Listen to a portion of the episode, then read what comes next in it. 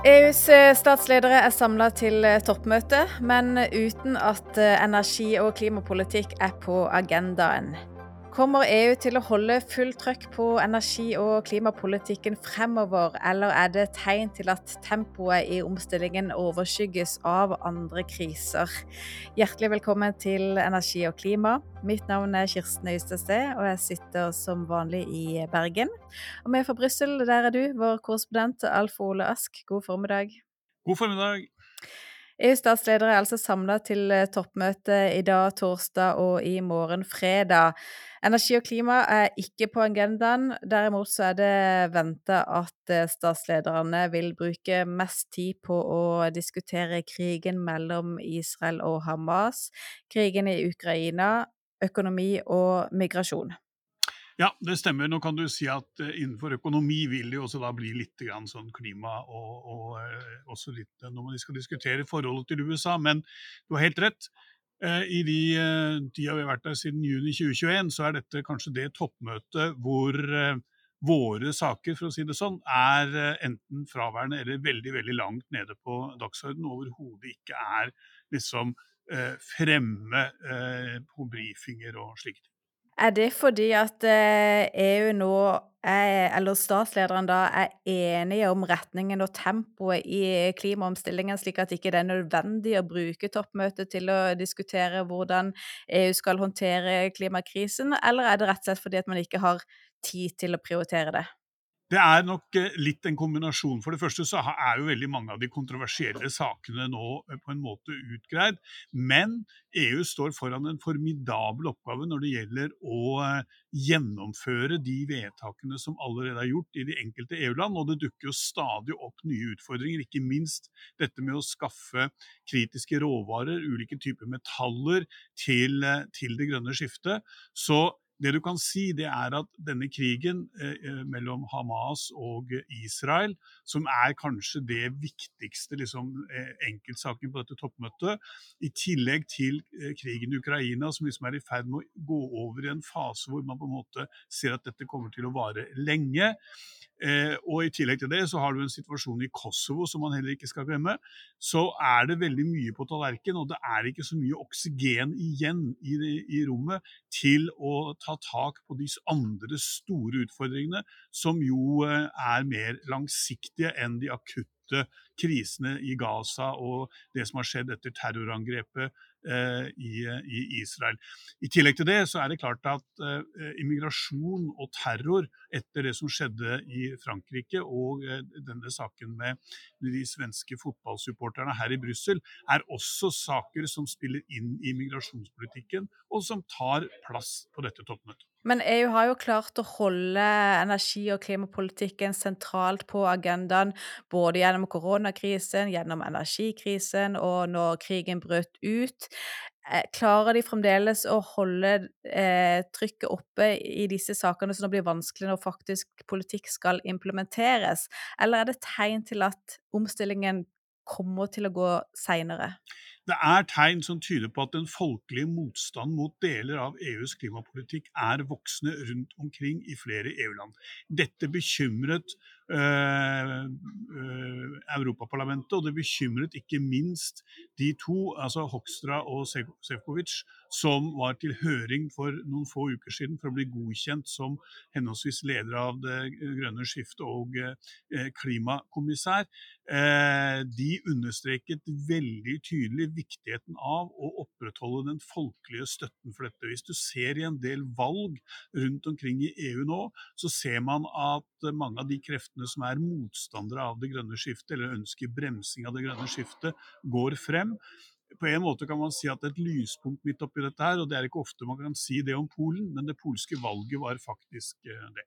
Men Slovakia var det vel ikke? Slovakia var det ikke, og du ser det eh, f.eks. i Nederland, eh, hvor dette Bonde- og borgerpartiet, som, som, jo ikke akkurat er, er veldig eh, positivt innstilt til deler av EUs klimapolitikk, eh, ser ut til å gjøre det veldig bra. Du ser hva som skjer i tysk politikk eh, osv. Så videre, sånn at det er flere eksempler rundt forbi på at det går den gale veien enn at det går den rette veien. Sett med de som ønsker å gjøre noe med klimaskiftet. Ja, og som ønsker å holde EU samla og er opptatt av at EU skal skal være en region som driver frem energi- og klimapolitikken også globalt. Ja, og det siste du nevner der er ganske viktig, fordi vi så etter eh, Russlands invasjon i Ukraina og den krigen startet, med alle de konsekvensene det hadde for energimarkedet, at det å holde fronten i EU mot Russland, støtten til Ukraina, var ganske sammenfallende med at man da klarte å få gjennomført en klimapolitikk som gjorde at EU-landene i større grad tok ansvar for sin egen energiforsyning, utbygging av fornybar, kutting av gassforbruk osv. osv. Sprekker enigheten vi hittil har sett når det gjelder Ukraina, og tiltak mot, mot, Ukraina, mot uh, Russland i kjølvannet av den invasjonen.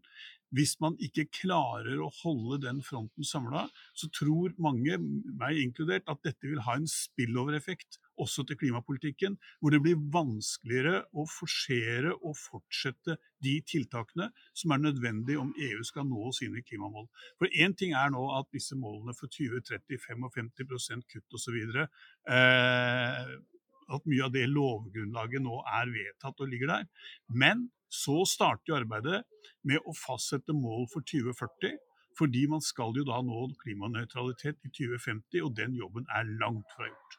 Og EU har lagt frem en eh, ny vindstrategi denne uka, den skal vi komme tilbake til. fordi at eh, Hvis vi først starter med en tilstandsrapport som også kom, eh, kom denne uka, som sier noe om hvordan EU ligger an, så viser den at utslippene i EU nå er 32,5% lavere enn hva de var i 1990. Sammenlignet med Norge så er jo det ganske imponerende, vi har kutta under 5% Men er EU likevel i rute til å redusere utslippene med 55% innen 2030? Det er et godt spørsmål. I noen EU-land er man eh, helt åpenbart ikke det, og det er en del EU-land som nå ligger an til at man da ikke når dette. Så skal det da sies at denne energikrisen som vi eh, hadde i fjor, og som fortsatt ikke er helt over, den gjorde jo en del med utslippet. Altså det ble jo eh, Man subsidierte jo for så vidt da eh, fossil energi i stor grad for å dempe virkningen av energikrisen. Sånn at eh, at eh, man er nå snart på, tilbake på det rette sporet. Og så får vi se hva sparetiltak rundt forbi egentlig da begynner å slå ut når vi får tallene for 2023 og 2024. Men det er klart at dette blir, eh, blir tøft. Men EU-kommisjonen har lagt fram noen tall som viser at man kanskje til og med kan overoppfylle dette i 2030, altså havne på 57 Eh, det har vært et spørsmål om man skulle melde det inn til FN. Det har ikke medlemslandene ønsket, rett og slett fordi man syns det nå begynner kanskje å bli litt mye tallek, og at man heller får oppfylle de målsetningene man tross alt har. Og helt sentralt for å nå dette målet, så må man jo klare å omstille energibruken. Og EU har jo da også et mål om at andelen fornybar energi skal eh, øke til 42,5 eh, innen 2030. Og da er behovet for vindkraft eh, Altså vindkraftutbygging står helt sentralt. Man trenger mye mer vindkraft både til lands og til havs for å nå dette målet. Og da har EU denne uka lagt frem en ny vindkraftstrategi. Hva inneholder den? Den inneholder uh, muligheter for å strekke statsstøttereglene. Den inneholder uh, en gjennomgang og, og, krav om at man må få disse konsesjonsbehandlingene til, til, å gå raskere enn hva de er i dag. Det er for så vidt en gammel greie som EU har kjørt på nå i det siste halvannet året, helt siden de lanserte denne såkalte Repower EU-planen i kjølvannet av invasjonen i, i Ukraina. og I tillegg til det så, så vil man samordne disse auksjon, eller altså tildelingene av tillatelser, ikke minst gjelder dette havvind.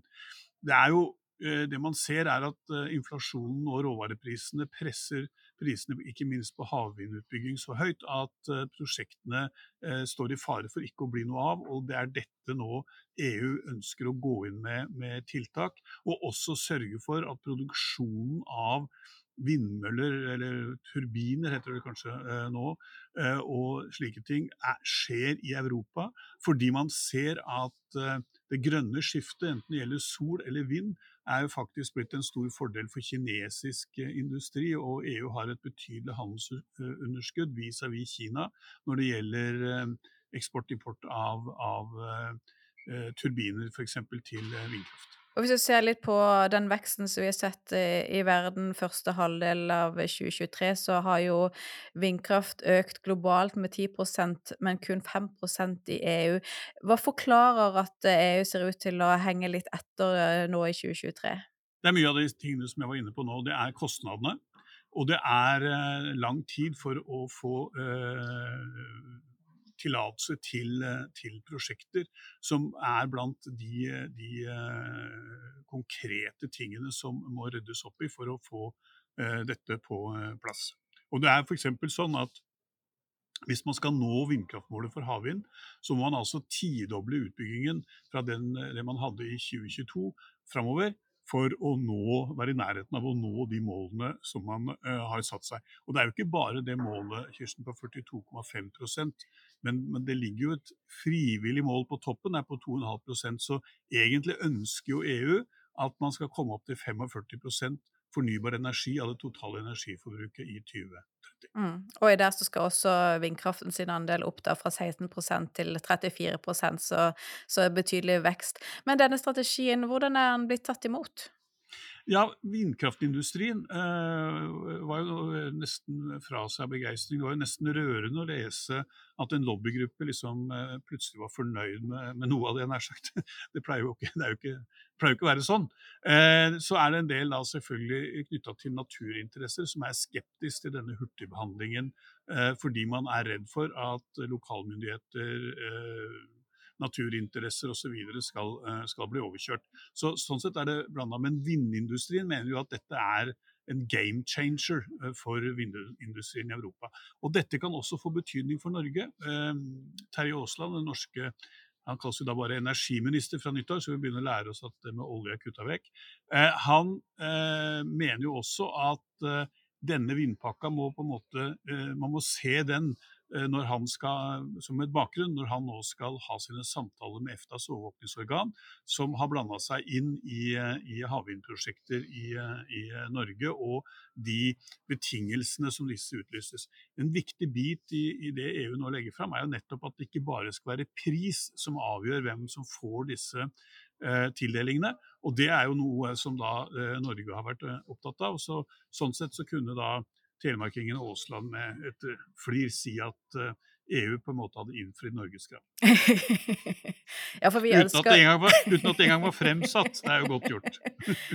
Ja, for det har jo vært regjeringen regjeringens ønske å kunne differensiere på bl.a. lokal verdiskaping og ringvirkninger eh, i, i disse auksjonene ja, i Norge. Ja, og det gjelder miljøhensyn, det gjelder uh, si sosiale hensyn, at det her skal være arbeidsforhold som er, er, er etter europeisk standard og sånn. Så, så, ja, det er, det er, flere av de tingene som, som, da kommer, hvor EU nå kommer Norge i møte. Og så blir det da interessant å se om EFTAs overvåkningsorgan liksom forholder seg veldig til det gamle regelverket og er mer katolsk enn paven, eller at også EFTAs overvåkingsorgan ESA her i Brussel forstår at vi står overfor en klimakrise og kanskje eh, bruker eh, bondevett, er det mm. noen som kaller det. Kanskje.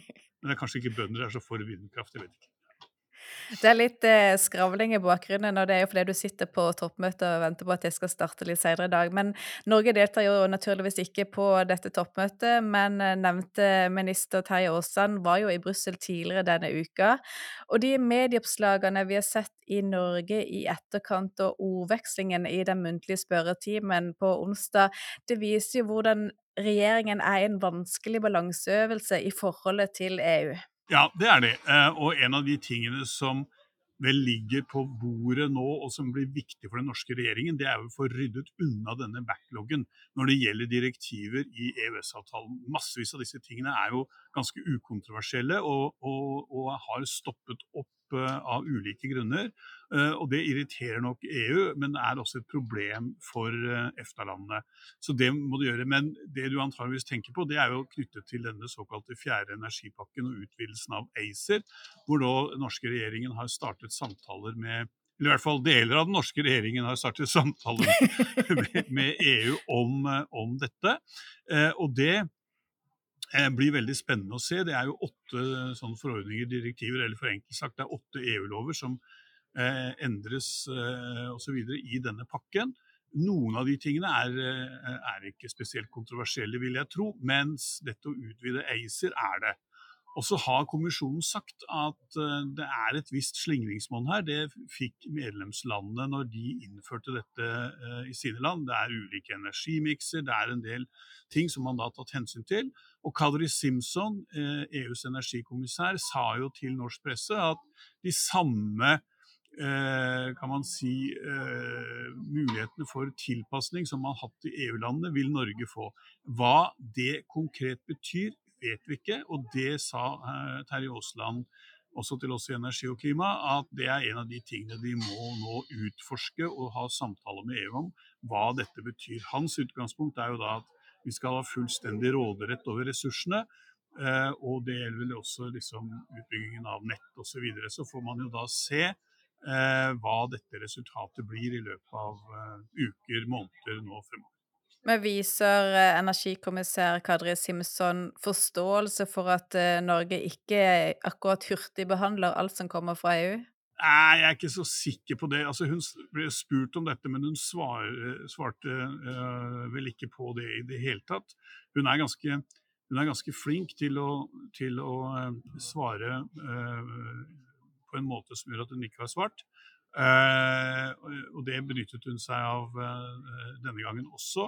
Men det er klart at man vet jo fra tidligere at uh, når man har disse EFTA-EU-møtene som man har vært uh, halvår på minister- og kommissærnivå når det gjelder EØS-avtalen, at det er en betydelig irritasjon, og har vært det over tid, i, fra kommisjonen at EFTA-landene ikke gjør dette raskt. Dette kom bl.a. fram på det møtet som var i juni, og nå er det et nytt møte i, nå i november Eh, hvor da den nye utenriksminister, nygamle utenriksminister Espen Barth Eide skal ned her eh, sammen med sine EFTA-kolleger og møte kommisjonen og ministerrådet og diskutere framgangen i implementeringen av disse direktivene. Men eh, regjeringa kjørte ut eh, proposisjonen på utvidelse av kvotemarkedet i forbindelse med statsbudsjettet, mens denne fjerde energimarkedspakka, eller ren energipakka, den ligger jo mange år tilbake. Kan vi drive og bare kjøre på med det som ligger i Fit for 55 nå som vi liker, og så la de andre tingene bare ligge der? Det er et godt spørsmål. Det spurte jeg. Jeg spurte eh, Simpson om Norge kunne ta å være med på reformen av eh, strømmarkedet som EU og, som EU-landene og parlamentet nå forhandler detaljer om, og som er i ferd med å bli eh, vedtatt, og som kommer til å være veldig interessant. Ikke minst vil jo det styrke forbrukernes vern og muligheter eh, til å velge i større grad og pålegge selskaper like, ulike kontrakter som kommer forbrukerne til gode. Hun, så spurte jeg henne kan man være med på den reformen uten å ha tatt fjerde energipakke. Og Det ville hun eh, da ikke uh, svare uh, konkret på. Men det er jo flere ting knytta til dette. Har, vi er med på utvidelsen av kvotehandelen i EU, men vi har ennå ikke sagt at vi skal være med på denne karbontollmekanismen, CBAM, Eh, som jo er knytta veldig tett til hele ETS-systemet. Det er veldig mange av de som forstår seg på dette, som mener at det er umulig å være med på utvidelsen av ETS og fortsette i ETS hvis man ikke tar CBAM, som da vil hindre at man importerer eh, jern, stål og en del andre eh, produkter fra kraftkrevende industri som er laget i land som da har en lavere eh, terskel når det gjelder eh, klimapolitikk enn det man har i EU. Så her er det, som eh, en tidligere eh, norsk statsminister sa, alt henger sammen med alt. Mm. Greit. Det er altså toppmøte. Mest uh, interesse rundt kanskje hvilke ordlyd EU-toppene kommer til å bruke om Israel og Hamas-konflikten. Men for energi- og klimafeltet fremover, hva skal vi følge med på? I litt sånn det store politiske bildet, så er det jo utviklingen av forholdet mellom Kina og EU og utviklingen av forholdet mellom USA og EU som kommer til å bli viktig også i klimapolitikken. Fordi her eh, står man jo liksom for å si det litt brutalt, kanskje på terskelen av en slags sånn handelskrig, som jo griper inn i, i eh, det uh, grønne skiftet. Du ser denne importen av uh, elbiler fra Kina som, som som EU har vært ute etter. Du så har sett hvordan eh, de nå påstås, i hvert fall fra noen, at de mer eller mindre dumper solpaneler her i Europa. Utkonkurrerer eh, solindustrien i, eh, i Europa, også i Norge. Og du har da denne eh, IRA, denne eh, Inflation Reduction Act, og den støtteordningene som eh, USA har for å tiltrekke seg industriinvesteringer og fremme det grønne skiftet gjennom ulike støtteordninger. Så disse tingene her kommer, i hvert fall på det storpolitiske tablået, til å være eh, viktig framover. Men så har du alle disse andre tingene som, som ruller og går. Du har eh, denne eh, lovene om Net Zero Industry Act, som det heter, og denne med kritiske råmaterialer som er to viktige lover, og som kommer til å sette på spissen forholdet mellom natur og naturvern og klima, fordi man kommer til å få en situasjon hvor dette å bygge ut f.eks. vindmøller, store solcelleparker, eller drive gruvedrift for å få tak i disse metallene som er helt avgjørende for grønne skiftet, kommer til å bli utfordrende i eh, forholdet til, eh, til natur. Så her er det eh, ganske store sånne saker som, som kommer eh, opp. Og i tillegg til det så skal EU da legge, kommisjonen legge fram målene for 2040 i løpet av eh, trolig første kvartal eh, i, i neste år. Og så i juni er det valg til Europaparlamentet. Vi skal ha en ny kommisjon i 2024, så det er mange utfordringer som også kommer til å gripe inn i klimapolitikken. Mm. Dette er alle saker som vi kommer tilbake til. Du, eh, tusen takk for oppdateringen fra Brussel, Alf Olask. Og så skriver du helt sikkert noe fra toppmøtet. Det tror jeg eh, du kan gå ut fra. Takk også til eh, du som lytter på. Hvis du ikke allerede abonnerer på Energi og klima i din foretrukne podkastapplikasjon, så gjør gjerne det. Så får du neste episode automatisk opp i spillelista di. Takk for i dag.